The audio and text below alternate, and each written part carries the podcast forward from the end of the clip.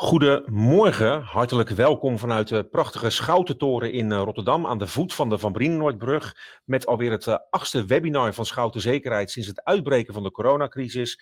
Met vandaag als titel vaccinatie, privacy en gezondheid van uw medewerkers. Ik ben Jan-Dirk Stouten, ik zal zo, excuus direct, de andere wijze mannen en wijze vrouwen aan deze tafel voorstellen. En we praten vandaag over dat bijzonder actuele thema. Dat hebben we gemerkt aan de aanmeldingen. Exact 783 mensen hebben we net nog bekeken, hebben zich aangemeld voor deze sessie. En een dikke 550 mensen zijn nu al ingelogd. En de content die we maken, live maken voor jullie, gaan we later via de gebruikelijke kanalen van Schouten Zekerheid verspreiden. We zijn met veel mensen, ik zei het al. We gaan een eh, prachtige sheet in beeld brengen met de relaties die meedoen aan dit webinar. Want je doet mee bij een webinar. Het is ook gelijk interactief. Dus stel je vragen, uh, geef je mening en kunnen we niet alle vragen beantwoorden, zeg ik er gelijk bij. Na het webinar, dat is ongeveer over een uurtje, gaan we nog even door voor mensen die echt het naadje van de kous willen weten. We zijn met relaties van Schouten Zekerheid en Boelaars en Lambert, met relaties van de branchegerelateerde verzekeringsdiensten en met leden van de diverse netwerken waar Schouten in deze regio en daarbuiten deel van uitmaakt. Drie vragen staan centraal, dat is wel belangrijk om te zeggen hoe u als werkgever om kunt gaan met de onzekerheden die mogelijk leven bij medewerkers rondom de vaccins die nu beschikbaar zijn. Dat is een actueel thema, zei ik al. Wat de regels en mogelijkheden voor u als werkgever zijn rond de vaccinatie van uw medewerkers. Hoe ver mag u daarin gaan? Gaan we zo antwoord op geven. En welke stappen u als werkgever kunt zetten om uw medewerkers, en dat is preventief aan de voorkant dus, gezond, vitaal en duurzaam inzetbaar te houden. Ik zei het al, Drie deskundigen aan tafel. tafel. Brenda van Dijk, hartelijk welkom. In je eigen huis, hartstikke goed. Consultant duurzame inzetbaarheid bij Schoutenzekerheid. Tjeerd den Oudste, specialist schade, lastbeheersing bij Schoutenzekerheid. En de man om wie veel draait vandaag. Daar is hij, jawel. Je zou gaan klappen als we in de zaal waren. Jeroen van Kampen, klinisch viroloog bij het Erasmus MC. Een vak dat in het brandpunt van de belangstelling staat sinds het uitbreken van die coronacrisis, die, die pandemie. We hebben, als we straks gaan voetballen, eh, over een aantal maanden een EK 17 miljoen bondscoaches. Heb jij het gevoel dat we ook 17 miljoen virologen hebben op het moment? Uh, ja. ja, zeker. Ja, je ziet natuurlijk op, uh, in, de, in de media, op social media, et cetera. Iedereen heeft er wel mening over, uh, inderdaad. Dus we hebben 17 miljoen virologen erbij. Ik heb heel veel collega's erbij gekregen het afgelopen jaar. Ja, wij zitten keurig, nog even belangrijk, op anderhalve meter. Dat is natuurlijk allemaal volgens de voorschriften in deze schoutentoren. Is jouw werk veranderd? Zijn jouw dagen anders dan voor de crisis, voor de pandemie? Ja, die zijn, die zijn wel anders. Het is veel drukker geworden en ik hou me nog maar bezig met één virus. En dat is het SARS-CoV-2 virus, het virus wat uh, COVID-19 veroorzaakt. En hiervoor uh, denk ik natuurlijk heel veel met andere virussen ook, maar die zijn uh, even wat minder belangrijk op dit moment. Nou, nou, was ik zelf ooit een jonge jongen en ik ken jonge jongens en meiden die hebben dromen van wat ze willen in het leven. Spelen in Feyenoord 1 of brandweerman of politieagent. Ja ik ken niemand die ervan droomt om viroloog te worden. Nee, ik ook niet. Waarom nee. jij dat? dat is ook wat later gekomen.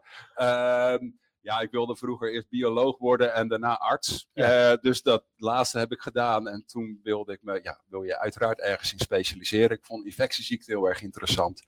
En zodoende ben ik klinisch viroloog geworden. Want ja. ik vind virusinfecties het meest interessante. En dat is een prachtig vak. Dat is zeker een prachtig vak. Brenda, ik zei het al, het thema, dat vaccinatiebeleid, hoe je daarmee omgaan in je bedrijf, wat mag je wel en niet vragen, is erg actueel. Hebben we gemerkt aan het aantal aanmeldingen. Is dat ook de voornaamste reden om dit nu op dit moment te doen? Jazeker. Als ik ga kijken naar de vragen die ik van werkgevers krijg over vaccinatie, wat mag ik wel vragen aan mijn medewerkers, wat mag ik niet vragen. Maar ook wat de rechten en plichten zijn van uh, medewerkers met vaccineren. Mm. Ja, er zijn zoveel vragen dat wij ook dachten van ja, daar moeten we uh, gewoon onze uh, relaties daar op een grote schaal mee kunnen informeren. Ja. En vandaar het webinar. En Tjeerd, heb jij jouw kennende vast iets aan toe te voegen? Je bent de man die alles een beetje overziet altijd en dan ineens met zo'n one-liner komt, hè? Ja, nou ja, de one-liners, dat, dat moeten we nog maar eventjes uh, afwachten. Maar ja, dit is natuurlijk voor ons ook een fantastisch uh, platform ja. om onze uh, relaties ook online te informeren. Uh, dus nou ja, heel mooi. En ook gezien het aantal aanmeldingen, uh, de 700 zijn we volgens mij al gepasseerd. Ja, ja dat, 783, vijf minuten voor deze sessie. Okay, dat is echt ja, heel bijzonder trouwens. Hè? Dat, nou ja, dat, dat, dat laat wel zien dat we een, of een thema aanstippen waar in ieder geval vraag en uh, ja, onduidelijkheid naar is. En wij hopen in deze sessie dus inderdaad ook antwoord te geven op die onduidelijkheden die er, die er zijn. Of die er mogelijk leven. Dus uh, ik kijk heel erg uit naar het aankomend uur. En merken jullie de laatste dagen en weken al dat hier veel vragen over zijn in de markt waarin jullie je begeven? Ja, ik denk dat het moment waarop we dit webinar uh, uh, opstarten ook wel het moment is waarop de vragen nu zitten te komen. Hè. De, de, de, de, vaccins die gaan nu uitgerold worden, ook bij nou ja, ons. ik hoorde volgens mij van de week ook zeggen dat wij voor de zomervakantie mogelijk allemaal onze eerste prik hebben. Ja, daar gaan allemaal vragen leven. Uh, en op ons afkomen. En uh, ja, ik hoop dat we nu in dit webinar uh, daar een mooie antwoord op kunnen geven. Ja, je, zei het al van, jouw dagen zijn drukker dan ooit. Hè? Laten we met jou doorpraten over de verschillende vaccins en de werking ervan. We lezen de krant, horen dingen op de radio. Even terug naar de basis. Hè. Wat, wat, is nou precies een virus en hoe werkt dat in ons lichaam? Ja, een virus is eigenlijk een stukje erfelijke code, genetisch materiaal waar een eiwitmantel omheen zit. En het heeft maar één doel. Mm -hmm. Het wil een cel in, een cel van een mens bijvoorbeeld, want die heeft die per se nodig. Um, vervolgens kidnapt hij die cel, uh, neemt hij alles over de besturing en wil die er eigenlijk met meerdere uitkomen. Nou, dus mm -hmm. hij gaat zijn eigen genetisch materiaal kopiëren. Hij zorgt dat de virus-eiwitten worden gemaakt, dus er wordt viraal messenger-RNA gemaakt in zo'n cel. Dat wordt in elkaar gezet en uiteindelijk gaat een virus met meerdere eruit. Dat is eigenlijk wat een virus is en wat een virus doet. Hey, en dan hebben we die vaccins. En jij ja. weet zo goed als zeker meer dan ja, sowieso dan de mensen aan tafel en dan alle kijkers en deelnemers aan het webinar bij elkaar. Hoe werken die nu precies? Ja, met die vaccins wat je eigenlijk doet, je probeert je eigen afweersysteem uh, alvast te trainen mm -hmm. tegen het coronavirus. Mm -hmm. Het is normaal duurt dat even om dat op gang uh, uh, te komen als je gewoon een, een zelf een virusinfectie hebt. En dat doe je eigenlijk al nu met het, met het vaccin. Dus je traint je immuunsysteem al dat ze uh, goed dat virus kunnen aanpakken uh, als je daar tegenaan loopt. Mm -hmm. En we trainen eigenlijk ook het geheugen van ons afweersysteem. Dus on onze afweer heeft een geheugen. Dus als je over een jaar of twee jaar nog een keer tegen dit virus aanloopt, dan weet onze afweer van hé, hey, dit ken ik. Uh, ik weet wat voor afweerreactie ik daar uh, uh, tegen moet maken om het op te ruimen. En dat is eigenlijk wat je doet met een vaccin. Voor de mensen die kijken, die deelnemen, we zo een uh, publieksvraag. Dus blijf erbij, gaan we jullie mening vragen over een aantal actuele thema's. Praat ik weer door met jou. Hè? Welke vaccins tegen dat coronavirus zijn er nu precies? Ja, er zijn er meerdere op de, op de markt gekomen. Ik zal ze dan opnoemen in volgorde van de goedkeuring door de dat is de European uh, Medicine Agency. Dat is eigenlijk een agentschap in Europa. En die bepaalt of een vaccin of een geneesmiddel op de markt mag komen. Dat moet je natuurlijk centraal regelen om, dat, om, om gekke dingen te voorkomen. Ja, dat ja. vinden wij ervoor dat je dat centraal moet uh, regelen in, uh, in Europa. Daarbij kijken ze altijd heel goed naar werkt het en zijn er niet mm -hmm. te veel bijwerkingen. En als dat klopt, dan zeggen ze ja, we keuren het vaccin goed. En dat betekent ook dat het vaccin geen experimentele status meer heeft. Hè, maar het is ja, iets wat je gewoon kan gebruiken en voorschrijven. Ja, nu gaan we de vaccins even langs. Hè. En nogmaals, jij bent echt deskundig en wij luisteren. Je legt het gelukkig uit op een manier dat ik het ook begrijp. Uh, Pfizer en Moderna zijn, heb ik me laten vertellen, Klopt. zogenaamde mRNA-vaccins. Ja. Wat betekent dat?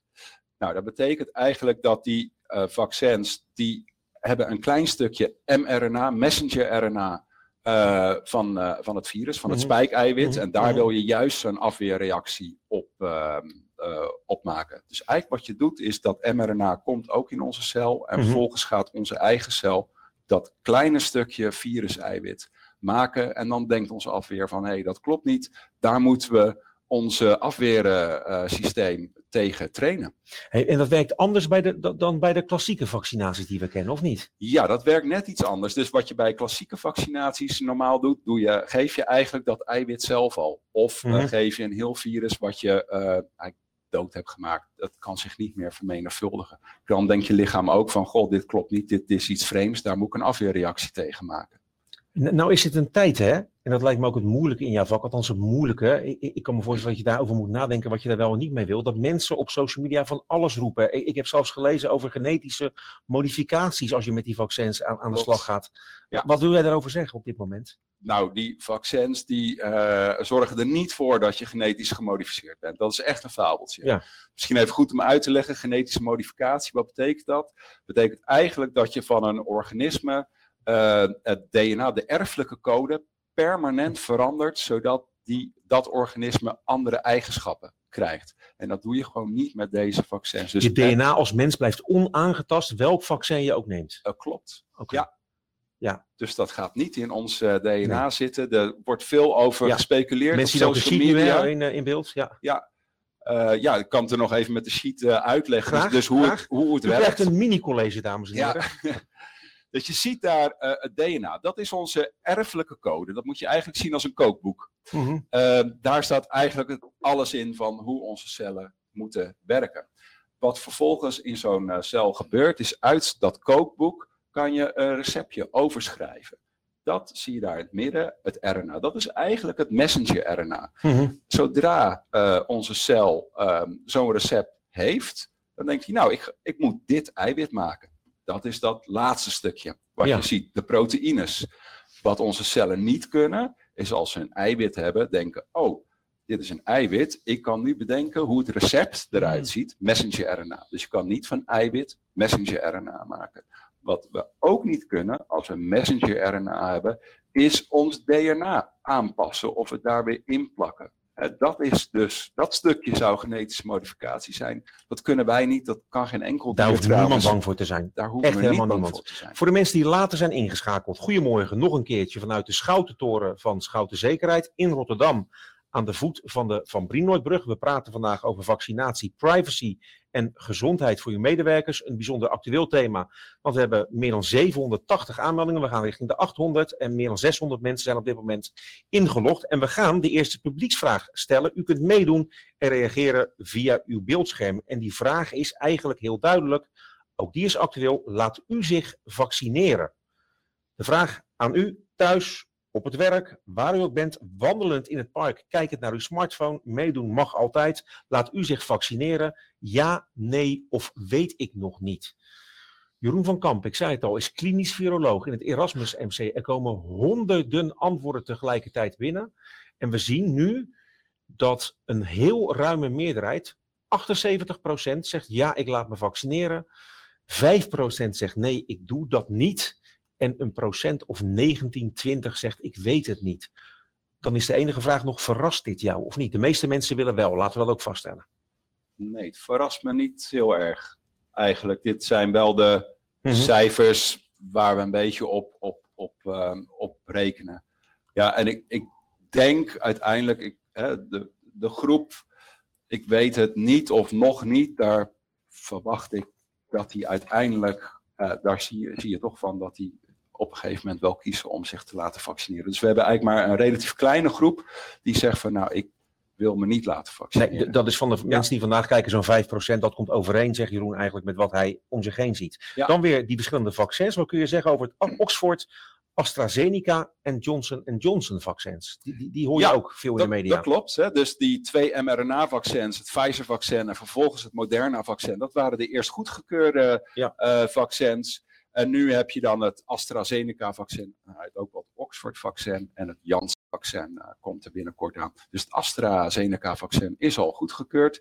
Eh, dat werkt op een iets andere manier. Dat is geen messenger-RNA, maar is eigenlijk, je moet het zien, een, een verbouwd virus wat zich niet meer was sowieso een onschuldig virus, kan zich ook niet meer vermenigvuldigen in ons lichaam. Mhm, mhm. En eh, als dat in onze cellen komt, dan wordt ook dat kleine stukje messenger-RNA van het spijkeiwit gemaakt. En vervolgens dat eiwit en onze afweer wordt weer getraind. Het klinkt zo geweldig eenvoudig als jij het uitlegt. Dat we dat niet eerder bedacht hebben. Zijn er andere noemenswaardige vaccins? Ja, ik denk wat, eh, nou, wat ik al zei, het, eh, het Janssen-vaccin. Mogelijk wordt dat morgen goedgekeurd door de EMA, dus dat zou fijn zijn. Dan hebben we er vier denk bij. ik, of niet?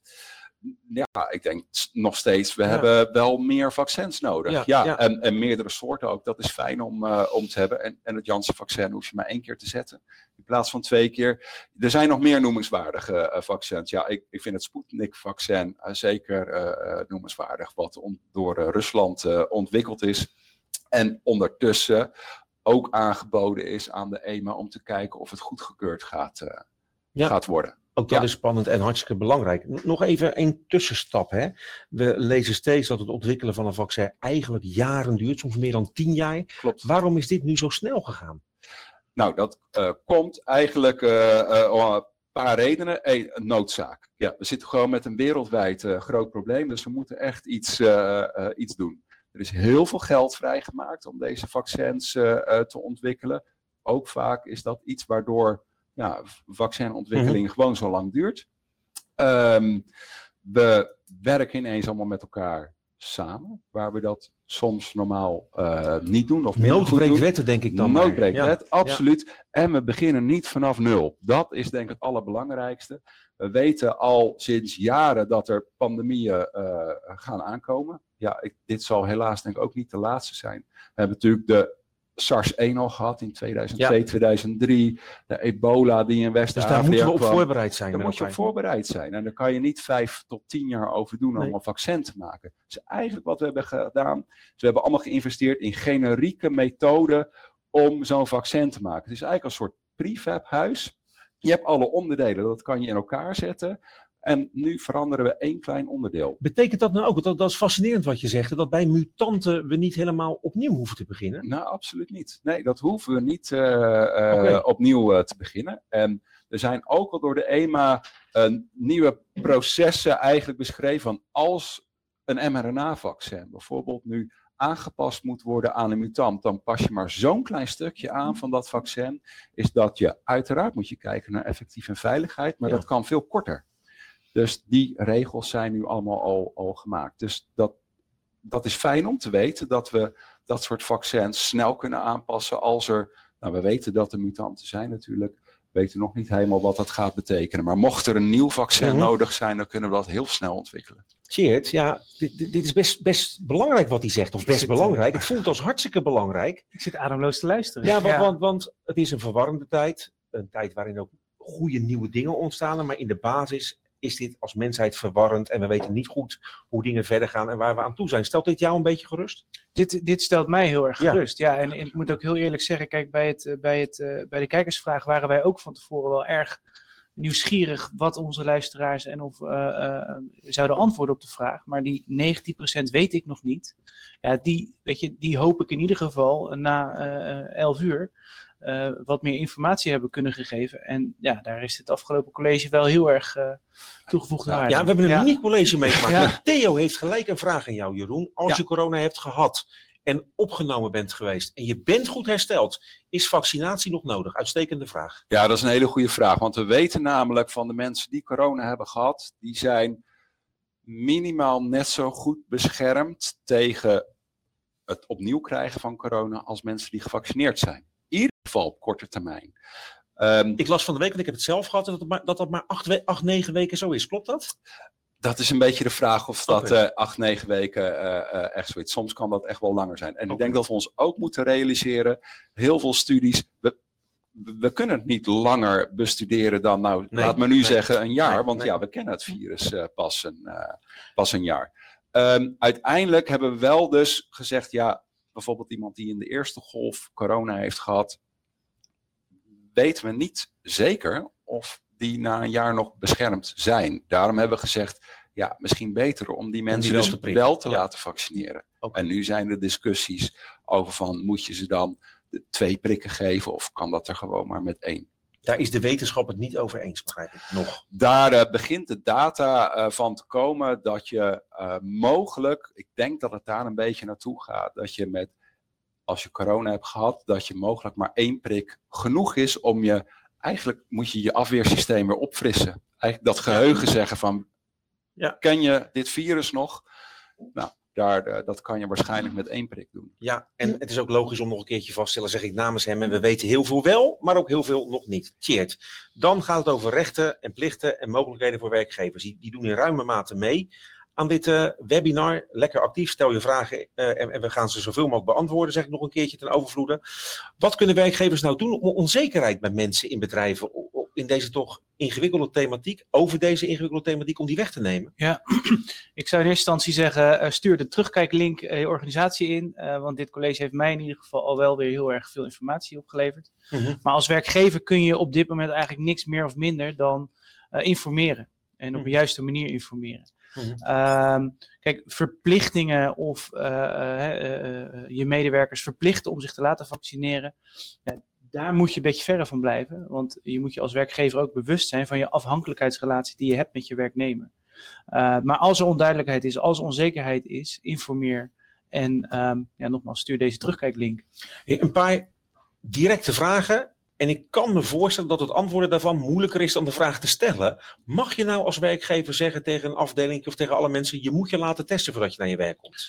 Uh, nou, met testen en vaccineren ligt het eigenlijk een beetje hetzelfde. Uh, op het moment dat jij dat verplicht, uh, dan doe je eigenlijk een inbreuk op de lichamelijke integriteit van een werknemer. Een, een, werknemer, een persoon, jij en ik, hebben allemaal het recht, even platgeslagen, om te bepalen door wie je je laat, uh, uh, ja, wie er aan je lichaam mag zitten, even gek gezegd. Dus verplichten mag niet? Verplichten mag niet. Vaccineren niet, testen niet? Testen niet, nee. Er is, er is wel een aantal zaken waar je dan in wat lastig pakket komt. Hè? Want soms kan een klant of een relatie, of je kunt je werk niet doen zonder dat je je laat vaccineren of hè, op sommige momenten zelfs laten, laten testen dan kom je wel in een, in een lastig pakket. En ons advies daarin is, ga het gesprek vooraf aan.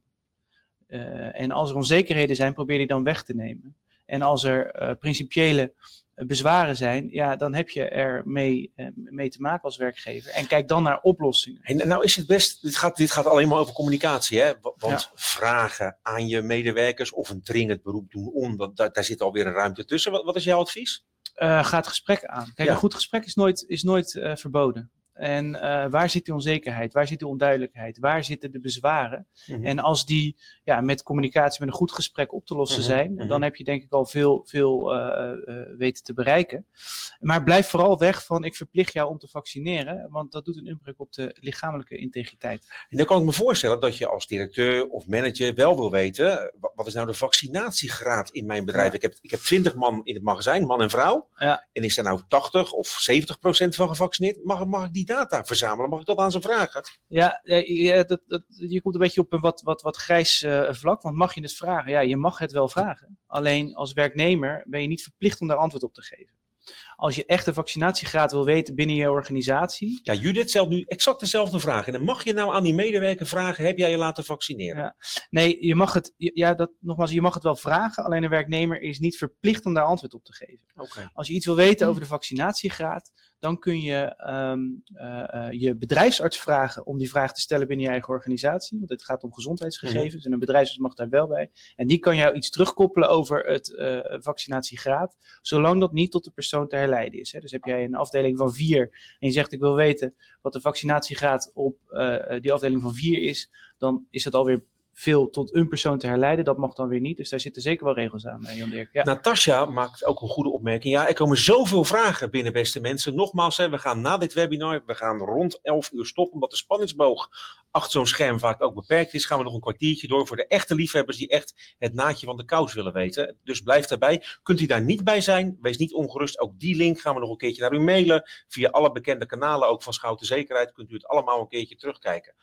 Natasja, waar is haar vraag gebleven? Informeren kan door medewerkers al worden opgevat en gevoeld als mijn werkgever wil dus eigenlijk dat ik me wil laten vaccineren. Hoe kun je die indruk, Tjeerd? Ja. Jij weet alles op dit gebied. Ja. Het beste voorkomen. Nou ja, kijk, ik, uh, ik, ik weet in ieder geval dat je ver moet blijven van die, van die uh, afhankelijkheidsrelatie, van die machtsverhouding zou je kunnen zeggen. Maar informeren uh, is niet verboden. Het goede gesprek aangaan is niet verboden. En de manier waarop je dat goede gesprek aangaat, de manier waarop je informeert, ja, dat zal per organisatie, per relatie ook weer verschillend zijn. En um, ja, als je het op een zo onafhankelijk mogelijke manier wil doen, ja, dan, dan, nogmaals, dan, dan, dan, kun je de eerste 20 minuten van dit webinar nog eens eventjes ja. uh, laten zien. Uit ja. alles blijkt dat dit erg leeft bij mensen die meedoen. Ik zag een vraag van iemand uit de zorg.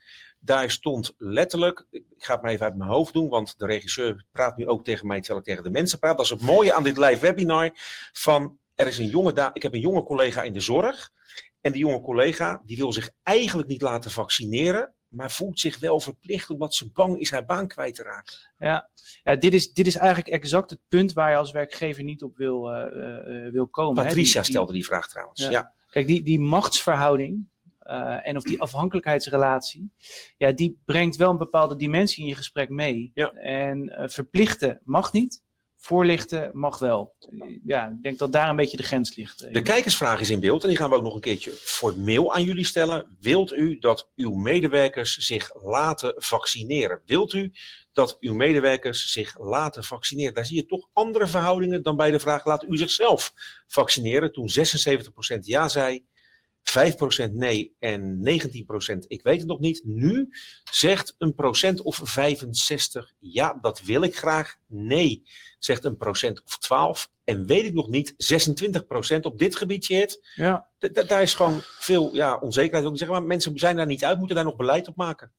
Ja, en, en het lastige is dat je er niet echt beleid op kunt maken. eh, anders dan dat je het gesprek aan kunt gaan. En ik, ik, ik, kan, eh, ik snap wel de, de verschil in verhouding met deze vraag en de vorige vraag. De eerste vraag gaat heel erg over jezelf. En de andere vraag gaat heel erg over het opleggen van. Ja, en dat, we begrijpen allemaal dat dat een stuk ingewikkelder ligt. Maar nogmaals, het goede gesprek aangaan, dat is nooit verboden. Nog één inhoudelijke vraag. hè. Wat nou als een medewerker besmet is met corona? Is er dan altijd sprake van verzuim en moet je het salaris doorbetalen? Ja. Ik denk als buitenstaander, ja dat moet, maar Ja, is, is het ook zo eenvoudig? Ja, correct. Kijk, als je als gevolg van eh, corona of gevolg van ziekte niet kunt werken, dan is er sprake van verzuim. Als er als gevolg van corona sprake is van thuisquarantaine, waardoor je je werk niet kunt verrichten, is er niet klassiek sprake van verzuim. Maar eh, geeft de Rijksoverheid daarover aan dat je dan als werkgever ook verplicht bent om het loon door te betalen. En er zijn nu ook de eerste rechtszaken over. En de, de rode draad in die uitspraken is wel dat je als werkgever verplicht bent om het loon door te betalen. Nog een vraag van Joyce. Goeie vraag allemaal. Blijf ze lekker insturen. Kunnen we ze nu niet behandelen? Gaan we er later met een whitepaper of in de aparte vragenronde die een aantal seconden na het formele einde van dit webinar begint op terugkomen. Wat als medewerkers in de buitendienst werken en in ziekenhuizen komen en de kans op besmetting groot is? Ja, mag ik het dan toch niet aan ze vragen, jongens, laat je vaccineren? vragen mag. Ja, En eh, verplichten het, het niet. gesprek aangaan verplichten niet. Ja, zo, zo eh, plat is eh, de wet en regelgeving op dit moment. eh, Ingewikkeld allemaal, Brenda. Ja, Ja. ingewikkeld. Nee, ja, ja, ja, het is wel ingewikkeld. Het is, het is wel Ja. ingewikkeld en soms ook weer niet. Ja, Dat maakt het ingewikkeld. Ja, Oh, en, en het is bijna Cruyffiaans. hè? Ja. Dus een wand, klein wandtegeltje produceer jij even in, in, een- in een belangrijke bijdrage. Omdat communicatie, ja, dat is eigenlijk waar het allemaal om gaat, toch? Ja, en dat, dat, dat zien we eigenlijk door alles heen. Hè, met duurzame inzetbaarheid. Je ziet het in de zorg, eh, je ziet het op eh, arbeidsrechtelijk gebied. Blijf in gesprek met je medewerker over ehm, dit soort onderwerpen. Want ja, het is heel erg prettig als je daar vooraf met z'n allen al duidelijk over bent. eh, in plaats van dat je in één keer halverwege de discussie aan moet gaan. Dus ja, ons advies is ook, ga ook vooraf. Wees ook gewoon duidelijk naar je medewerkers hoe jullie er zelf in staan. En dat er dus inderdaad ook geen plicht is. Eh, maar dat je het wel kan vragen. Ja, nu gaat het ook om preventie, hoe je dingen kunt voorkomen. Gaan we zo met jou uitgebreid over doorpraten. Nog naar jou, Jeroen. Je hebt al gezegd, die vaccins zijn niet gevaarlijk. Zijn er wel bijwerkingen bekend bij jullie in, in de wetenschap? Jazeker. Ja, gelukkig zijn die eigenlijk allemaal, bijna allemaal mild en van voorbijgaande aard. Dus we weten dat er bijwerkingen zijn eh, van, eh, van de vaccins. Bijvoorbeeld eh, ja, pijnlijke schouder waar je gevaccineerd bent. Toch een beetje koortsig gevoel. Spierpijn, hoofdpijn. Gelukkig zijn het bijwerkingen die vrij snel weer, weer overgaan. Dus ja, een vaccin heeft zeker zo zijn bijwerkingen. En ik denk eigenlijk moet je een soort de keuze maken van ja, aan, aan vaccin zitten bijwerkingen aan aan COVID-19, de ziekte zelf ook. Zo moet je het zien. En, Vers- en ja, verschillen ja. ze ook per vaccin? Hebben jullie dat in kaart kunnen brengen? er lijkt wel nou, iets verschil te zitten. Maar het, komt eigenlijk een beetje op hetzelfde neer. Ik moet eigenlijk zeggen, nee, het zit niet, er zitten niet hele grote verschillen tussen de vaccins eh, ja, waarvan we nu de data hebben. Weten jullie of er gevolgen op lange termijn zijn als je laat vaccineren? Ook dat is wel een belangrijke vraag. Ehm, ja, eh, formeel gesproken niet, want hè, als je Ja. wil weten wat zijn de langetermijn eh gevolgen over tien jaar, dan moet je tien jaar wachten. Net zoals dat we niet de langetermijn gevolgen van eh, COVID-19 zelf weten, moeten we ook tien jaar wachten.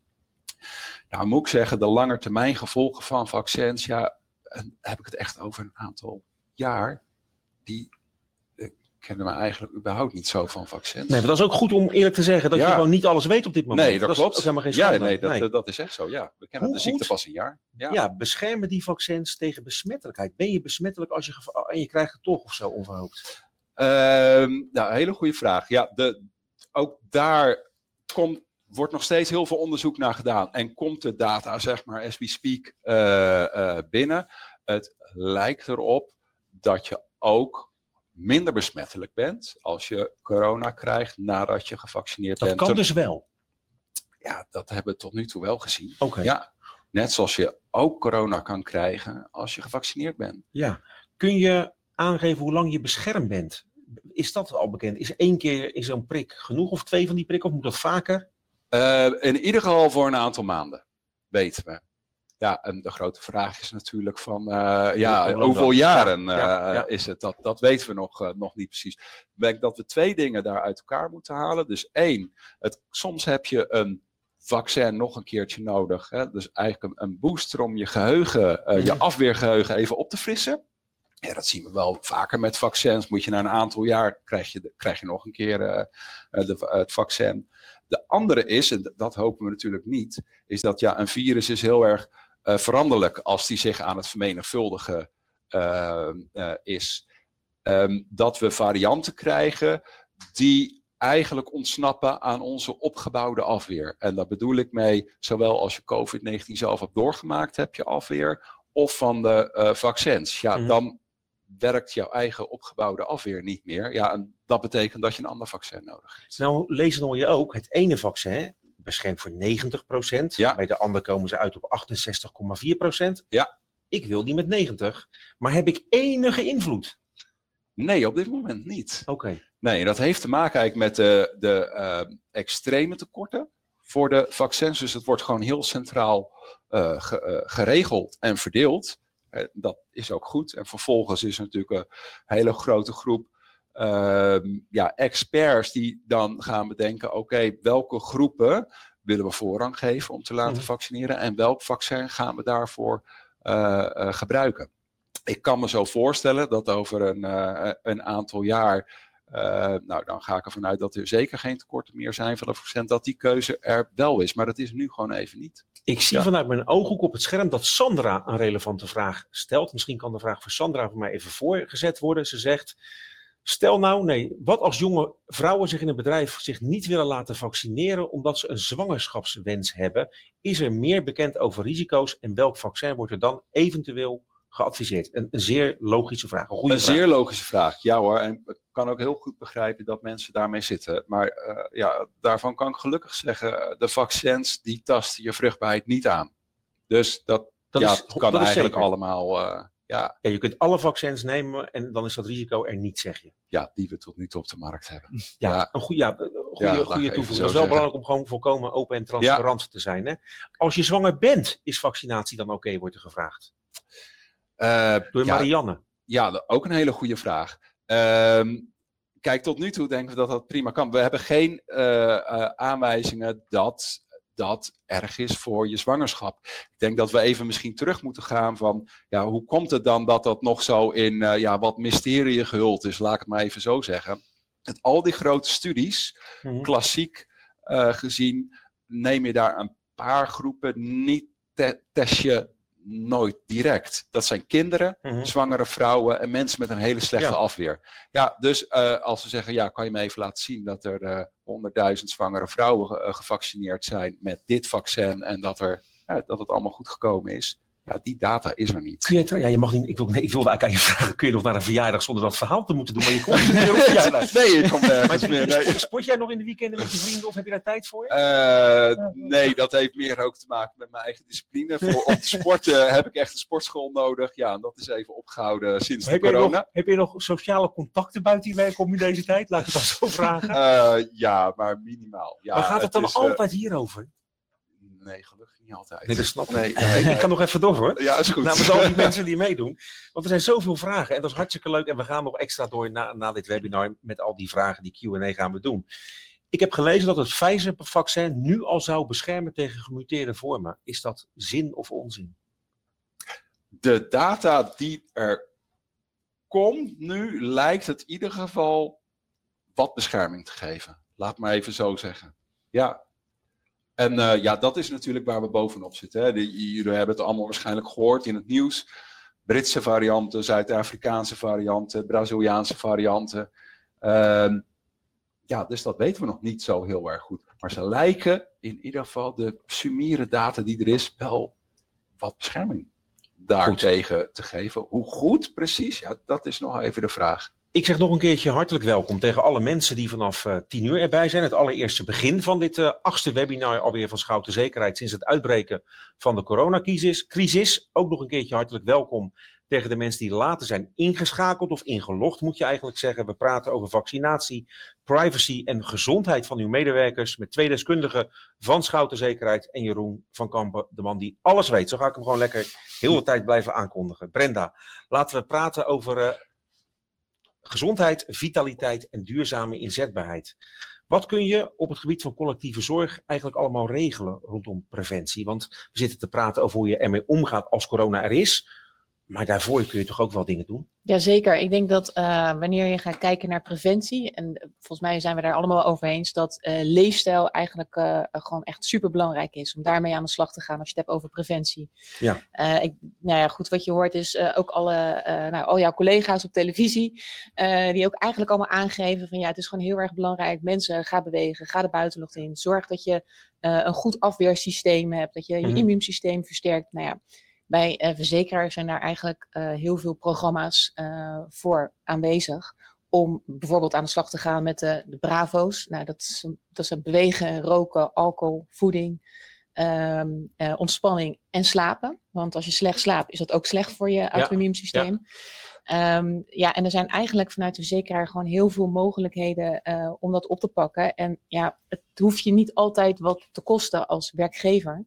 Want heel veel zit ook al in de aanvullende verzekering van de medewerker zelf. Dus advies over voeding, uh, nou ja, een mindfulness app uh, die mensen kunnen downloaden. Uh, je hebt de, bijvoorbeeld de Ommetjes app. Nou, dat is toevallig van de Hersenstichting. Ja, ik heb 378 punten, zeg ik voor. Ja, 300 minder dan mijn meisje uit Lekkerkerk.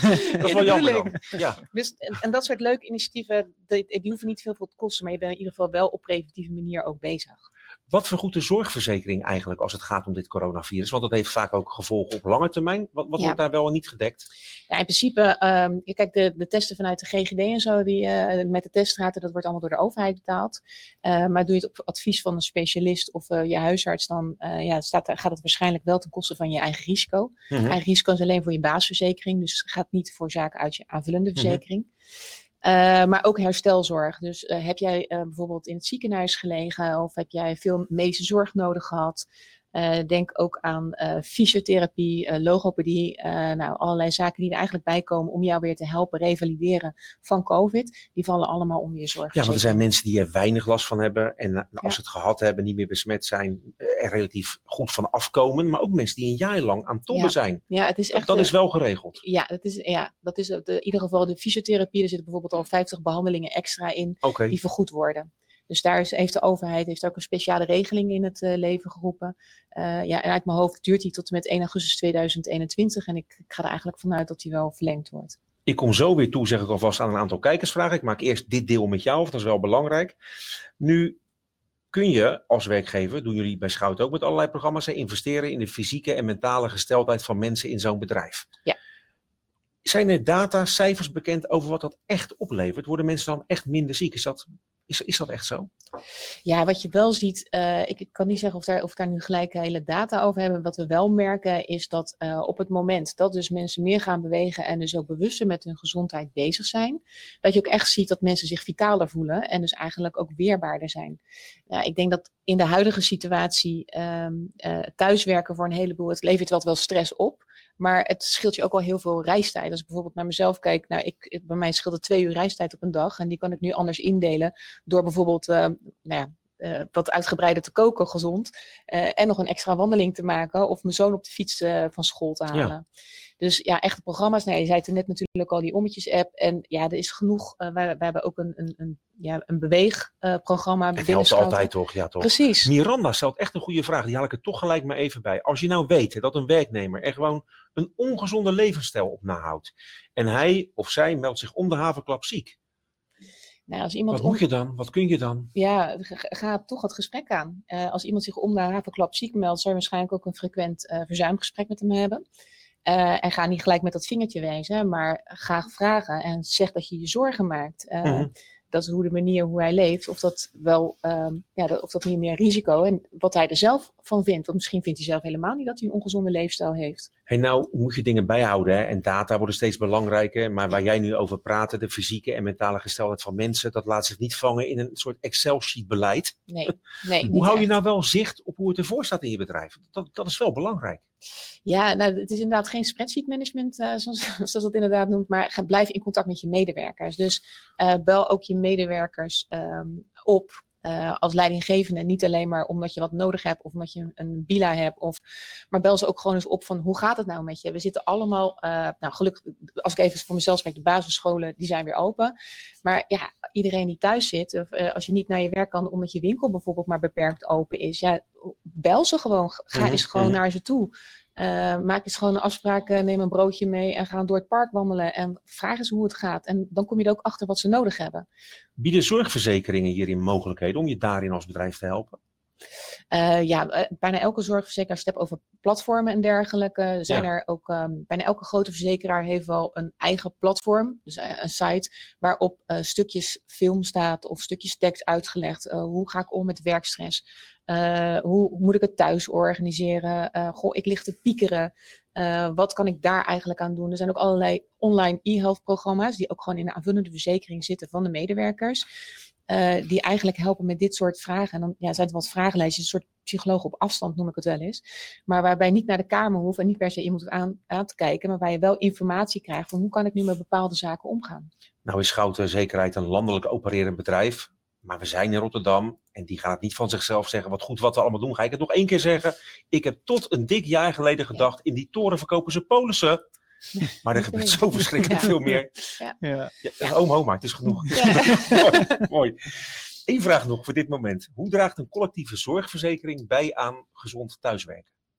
Ja, wat, wat ik op dit moment heel erg zie, als je het echt hebt over thuiswerken, en dan hebben we het echt over het kantoor. Ehm, ik zie bijvoorbeeld nu een onwijze toevlucht voor ehm, online werkplekonderzoek. Want uh, we kennen allemaal wel, we zitten dan achter een schermpje met elkaar te praten en dan zie je toch iemand achter een keukentafel zitten en dan denk je, nou, we zijn inmiddels een jaar verder, maar die keukentafel zit er nog steeds. En de mensen krijgen toch wat meer last van uh, schouders, armen. Nou, dus ook online fysiotherapie vanuit een zorgverzekering uh, die je daaruit kan gebruiken. Maar die online werkplekonderzoeken, daar zie ik echt een toevlucht aan. En ja, dat is gewoon weliswaar met een beeldscherm, maar er wordt er gewoon gekeken hoe zit je, wat kan je wijzigen en dan komt er ook gewoon een advies uit. Tjeerd, even nog een tussenvraag aan jou. Ja. Ik kan me voorstellen als je nu kijkt dat je heel veel informatie krijgt. Er zijn ook echt tientallen vragen waar we straks nog even apart op terug gaan komen, heb ik al twee keer gezegd. Maar goed, om dat nog een keertje te melden. Als ik nou contact met jullie wil in de komende dagen, weken, wat, wat kan er in de, in de richting van schouten zekerheid met klantenrelaties in deze coronatijd? Ja, ook in deze tijd, dat hebben we in alle webinars ook, ook aangegeven, willen wij er zijn voor onze klanten en, en echte zekerheid bieden. Uh, dus op het moment dat er vragen zijn en ze kunnen zo gek genoeg niet zijn, stel ze. Bellen, mailen, videocalls, alles kan. Bellen, mailen, videocalls, alles kan. Ja. Wij, wij komen nu toe aan wat in het draaiboek vragen van kijkers heet. Het zijn er echt heel veel. Ik zei het al, we gaan er een aantal gewoon maar tussen uitpikken. Deze is denk ik wel aardig voor, voor jou, Jeroen. Voor horeca en evenementen komt er een app waarop gewoon simpelweg staat of je wel of niet gevaccineerd bent. Althans, daar wordt toch wel over gesproken, want dat is allemaal heel gevoelig met privacygevoeligheid en zo. Hoe zit dat nou in relatie tot medewerkers? Zou, zou jij je kunnen voorstellen dat je, dat je bij de ingang van een fabriek of een kantoor vraagt: heb jij je laten vaccineren? Vraag komt van Diane trouwens. Ik kan er me nog vrij weinig bij voorstellen, moet ik zeggen hoor. Misschien dat ik, misschien dat ik Ja. die vraag het beste, Over beste, ja. beste kan beantwoorden. Kijk, je hebt allemaal een, een bedrijf eh, eh, draaiende te houden. En eh, je kunt als eh, bedrijf wel zeggen, hè, eh, eh, wij hebben een soort van, eh, we werpen een, een drempel op of wij willen alleen maar die gezonde mensen en dergelijke eh, binnenhalen.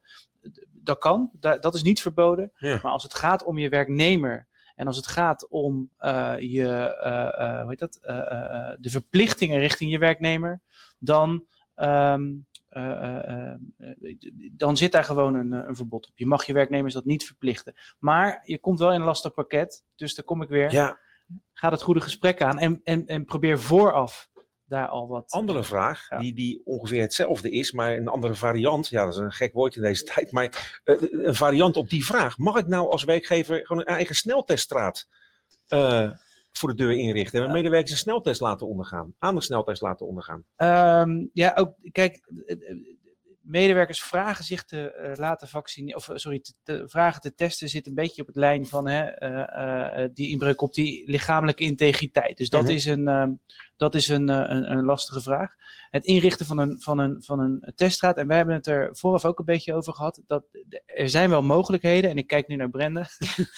Eh, er zijn wel mogelijkheden, maar daar zit, dat is ook aan regels gebonden. Ja, klopt. Ehm, Ik- Jij had eens een, vra- een vraag van, kan je een soort mini-teststraat voor de deur Ja. als werkgever? Ja. Wat natuurlijk al een heel erg goed idee is. Alleen, ja, er zitten gewoon aan een teststraat zitten gewoon regels verbonden. verbonden. Nou, die zijn ook uitgeschreven door het RIVM. die zorgen we ook dat die in onze whitepaper staan. Maar in principe, de testen moeten afgenomen door een bevoegd, een deskundig persoon.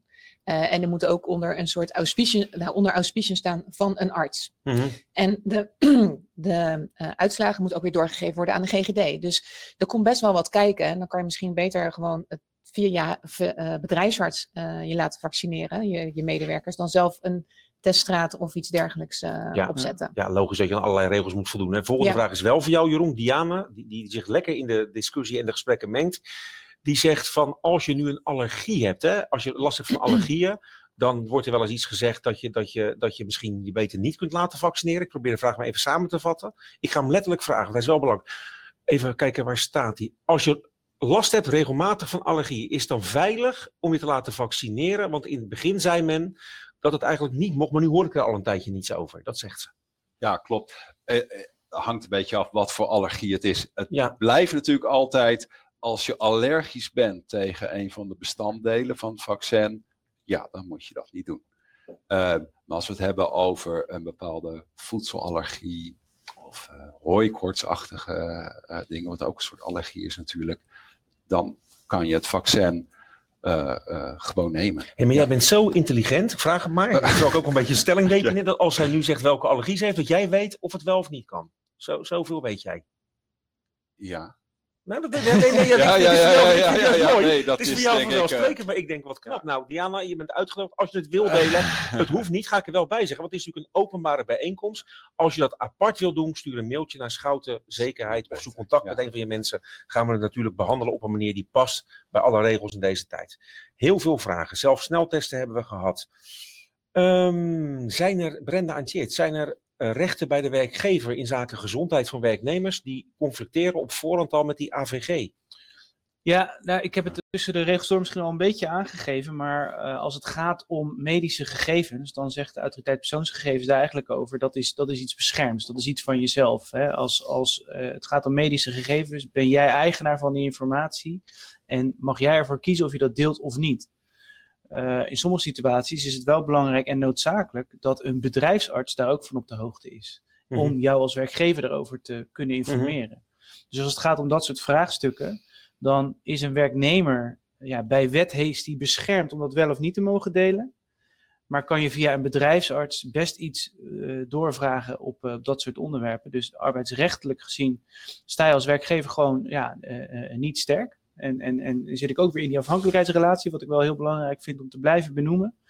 Ehm, ja, blijf uit die al dan niet schijn dat je eh, de verplichtingen erop legt. Maar als, het, als, het, als je daarmee in conflict komt met het, met het werken, hè, we hebben veel horeca-medewerkers of, of werkgevers die zich hebben aangemeld voor dit webinar, ja, mag je jouw werknemers verplichten om zich te laten vaccineren? Ja, dat is, dat, nee, daar is geen branche op uitgezonderd. Maar je kunt wel het gesprek aangaan. Ja. Want ook een werknemer begrijpt echt wel dat als straks die terrassen weer openstaan, dat wij hier minimaal met z'n vijven wel naartoe rennen dan. Ja, Wilma en Meerte hebben twee goede vragen gesteld. Die zie ik duidelijk op het scherm. Want die denkt natuurlijk mee, Meerte. Hartstikke goed. Mag je als werkgever wel sneltesten aanbieden? Mits ze hiermee zelf akkoord gaan. En als ze dan positief zijn, dan, dan gaan ze natuurlijk alsnog naar die GGD. Althans, dat veronderstellen we. Ja, nee, maar dit, dit, dit is een goed voorbeeld van ja, eh, op het moment dat het op vrijwillige basis is, mag je ver gaan. Alleen, hè, wanneer is het vrijwillig en wanneer kan een werknemer dat als druk ervaren? Maar het heeft toch met, ook met, ja, dat, dat, dat zegt Brenda, ook met de toon te maken. Je, ik kan me het begin van een brief voorstellen of een memo of een personeelsbijeenkomst online. Die zeggen, we willen het met elkaar doen. Ook in deze tijd dicht bij elkaar blijven. Eh, eh, fys- nee, fysiek niet, maar wel geestelijk. We willen go- goed samenwerken. En we zijn voornemens om. En zouden jullie daar een keer kunnen leven of kun je dat niet? Ja. Dus het is maar Ja. een kwestie van de toon toch ook? Co- correct, correct. En wij willen u goed voorlichten en daarom eh, eh, bieden wij dit aan. En dan, en dan zit je al veel meer in gesprek. Wilma stelt een goede vraag. Ook een erg inhoudelijke vraag. Ook best een zware vraag aan jou, Jeroen. Dat gaat erom als je nou een achterliggende behandeling hebt gehad de laatste jaren. Bijvoorbeeld voor een vorm van kanker. Heeft dat invloed op het vaccineren? Het kan zeker van invloed zijn hoe goed je- eh, jouw afweersysteem te trainen is. Mhm. En we zien natuurlijk bij uh, mensen die uh, nou, bijvoorbeeld chemotherapie krijgen, of die een orgaantransplantatie of een beenmergtransplantatie hebben ondergaan, of immuunonderdrukkende medicijnen gebruiken, hun afweer, uh, ja, het is wat moeilijker te trainen. Dat betekent dat waarschijnlijk de effectiviteit van die vaccins wat lager ligt dan bij de normale bevolking. Mm -hmm. Maar het is ook de groep vaak die meer risico heeft mm -hmm. om ernstig ziek te worden van uh, COVID. Dus eigenlijk is daar het advies van, ja, dat kan zeker van invloed zijn, maar het advies is wel, laat je vaccineren.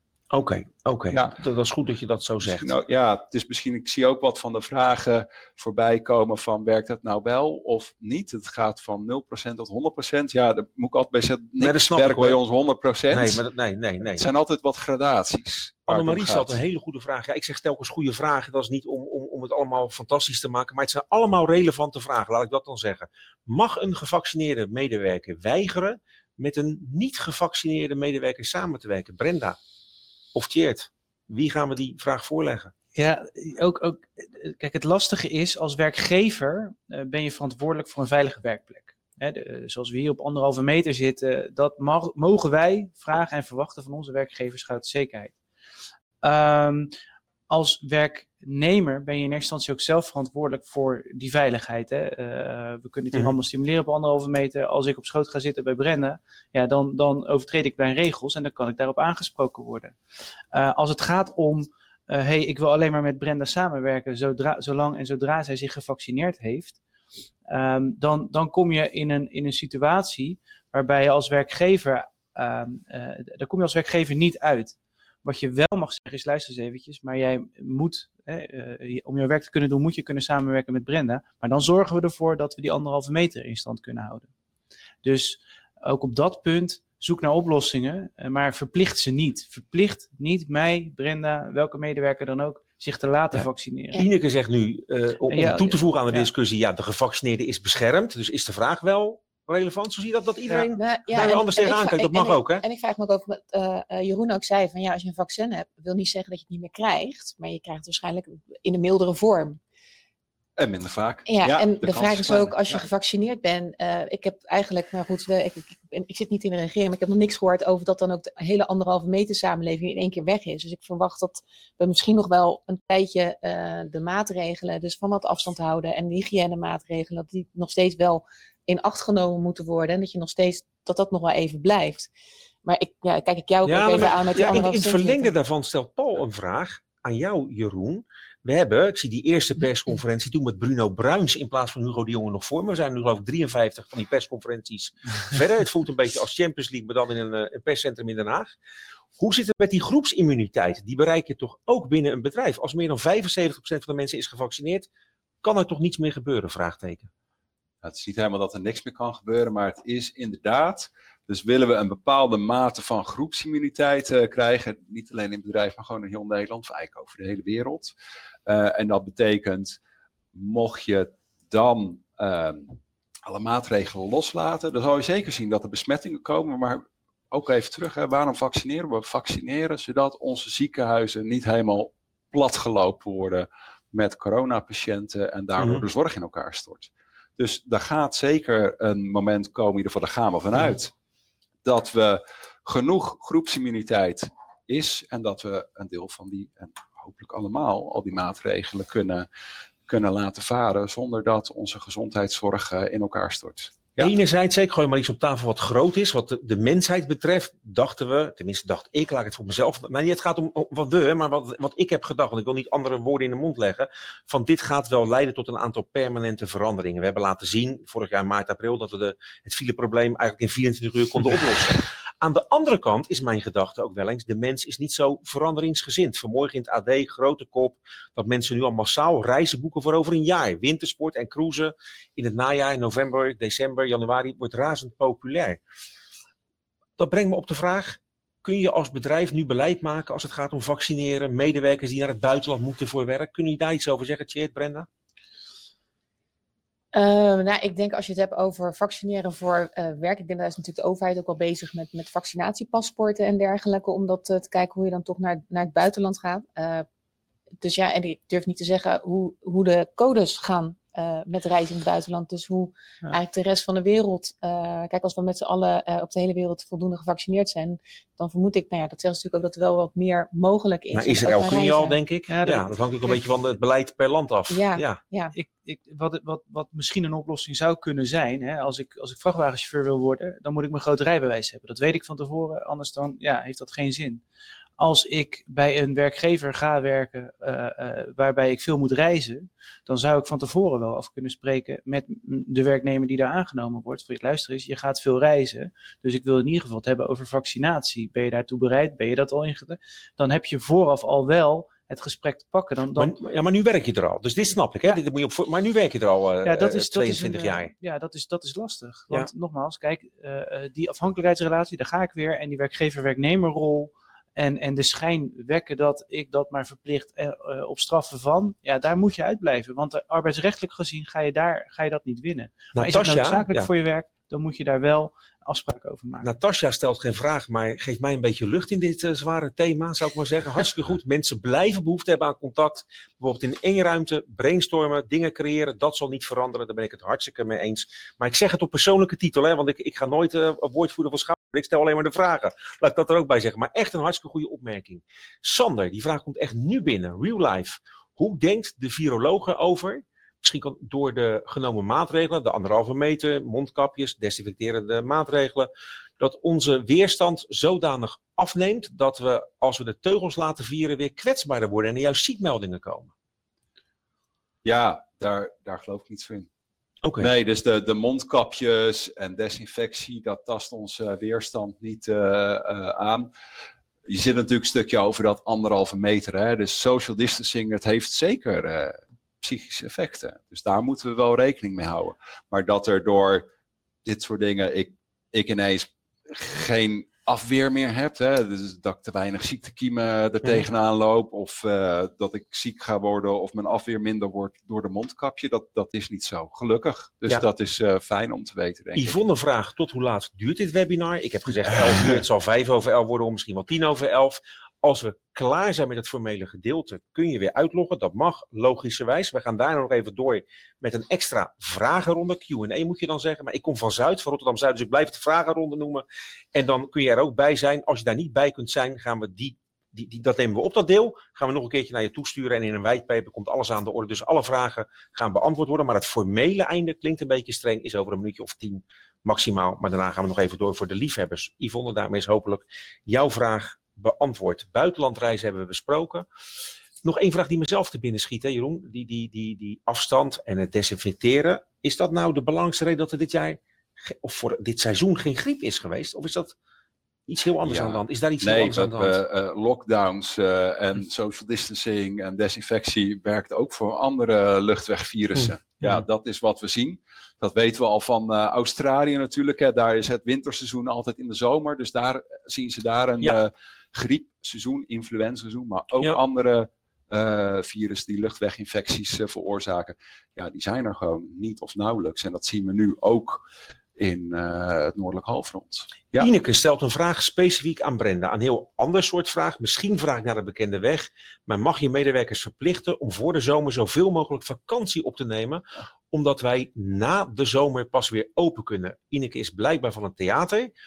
Of het bedrijf zelfs enkele weken te sluiten. Oei, Ja, ik heb even, ik heb even aan in verband met, eh, met arbeidsrecht. Maar volgens mij kan je niet zomaar aan de, eh, medewerkers verplichten. Je om, mag veel eh, niet als werkgever, ja. denk ik. maar Ja, kijk, Ja. eh, in de bouw ken je eh, klassiek gezien de, de bouwperiode. Ja. En dat is de vier weken waarbinnen je je vakantiedagen op moet nemen. Kijk, en dat eh, kun je vooraf afspreken met elkaar. Eh, en, en daar kun je afspraken met elkaar over maken. Eh, als het gaat om het verplicht, eh, werknemers verplichten om vakantiedagen op te nemen, eh, dat ligt weer een stuk ingewikkelder. Mhm. Hè, nogmaals, kijk, als je vooraf eh, de spelregels goed met elkaar afspreekt, dan, dan weet je waar je aan toe bent. Het, het aanpassen van de spelregels tijdens de wedstrijd kan alleen maar op het moment dat je daar overeenstemming over hebt. Maar ik denk wel dat je weet wat ik ga zeggen. Er is die afhankelijkheidsrelatie. Dus, Ja. dus ga dat echt onafhankelijk in. En het goede gesprek Mhm. is nooit eh, verboden. Natasja stelt nog een vraag. Op het moment dat de thuistesten gevalideerd zijn, wat zou een werkgever daarmee kunnen in, in zijn of haar beleid als het gaat om toegang verlenen tot het kantoor, de fabriek, de werkplek? Ehm, zo- Ja. ja. kijk, d- daarbij, eh, eh, eh, of het nou een officiële test is, een sneltest, een thuistest of anders, de wet en regelgeving is op dat soort gebieden niet anders.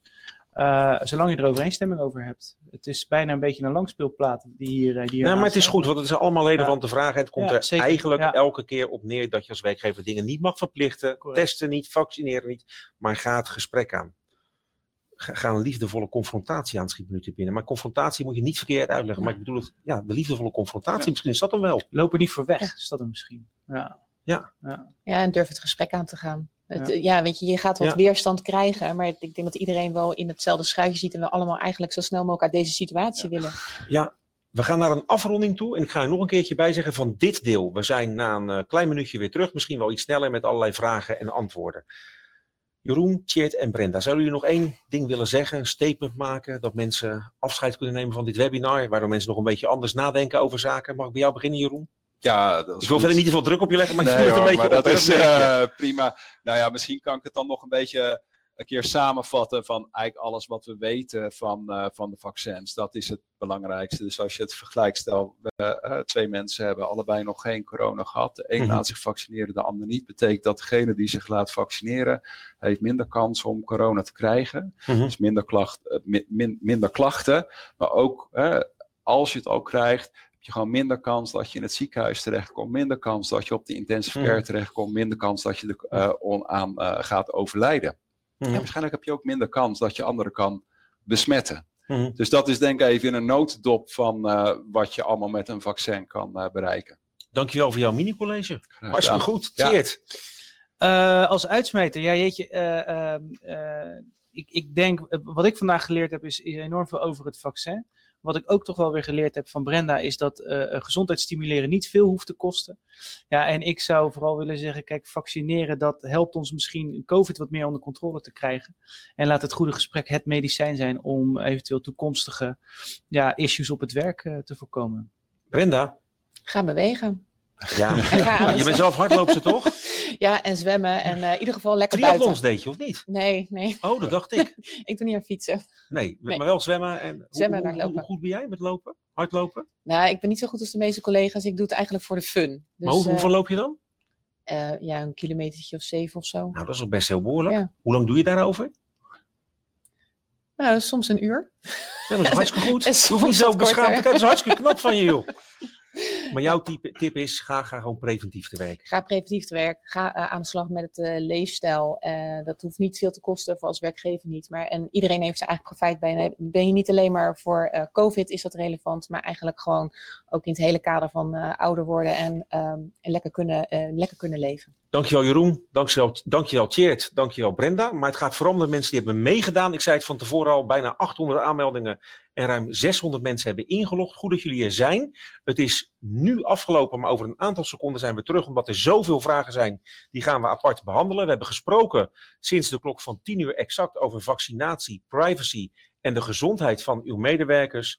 En eh, we gaan sowieso dit webinar op Spotify zetten, is als podcast beschikbaar. We gaan de link naar u toesturen. En u kunt, Tjeerd heeft het al goed uitgelegd, ook gewoon een afspraak maken met een van de mensen van Schouten om een nader van gedachten te wisselen. Het is woensdagmorgen in Rotterdam. Maak er een prachtige, mooie, fijne en warme dag van. Tot ziens!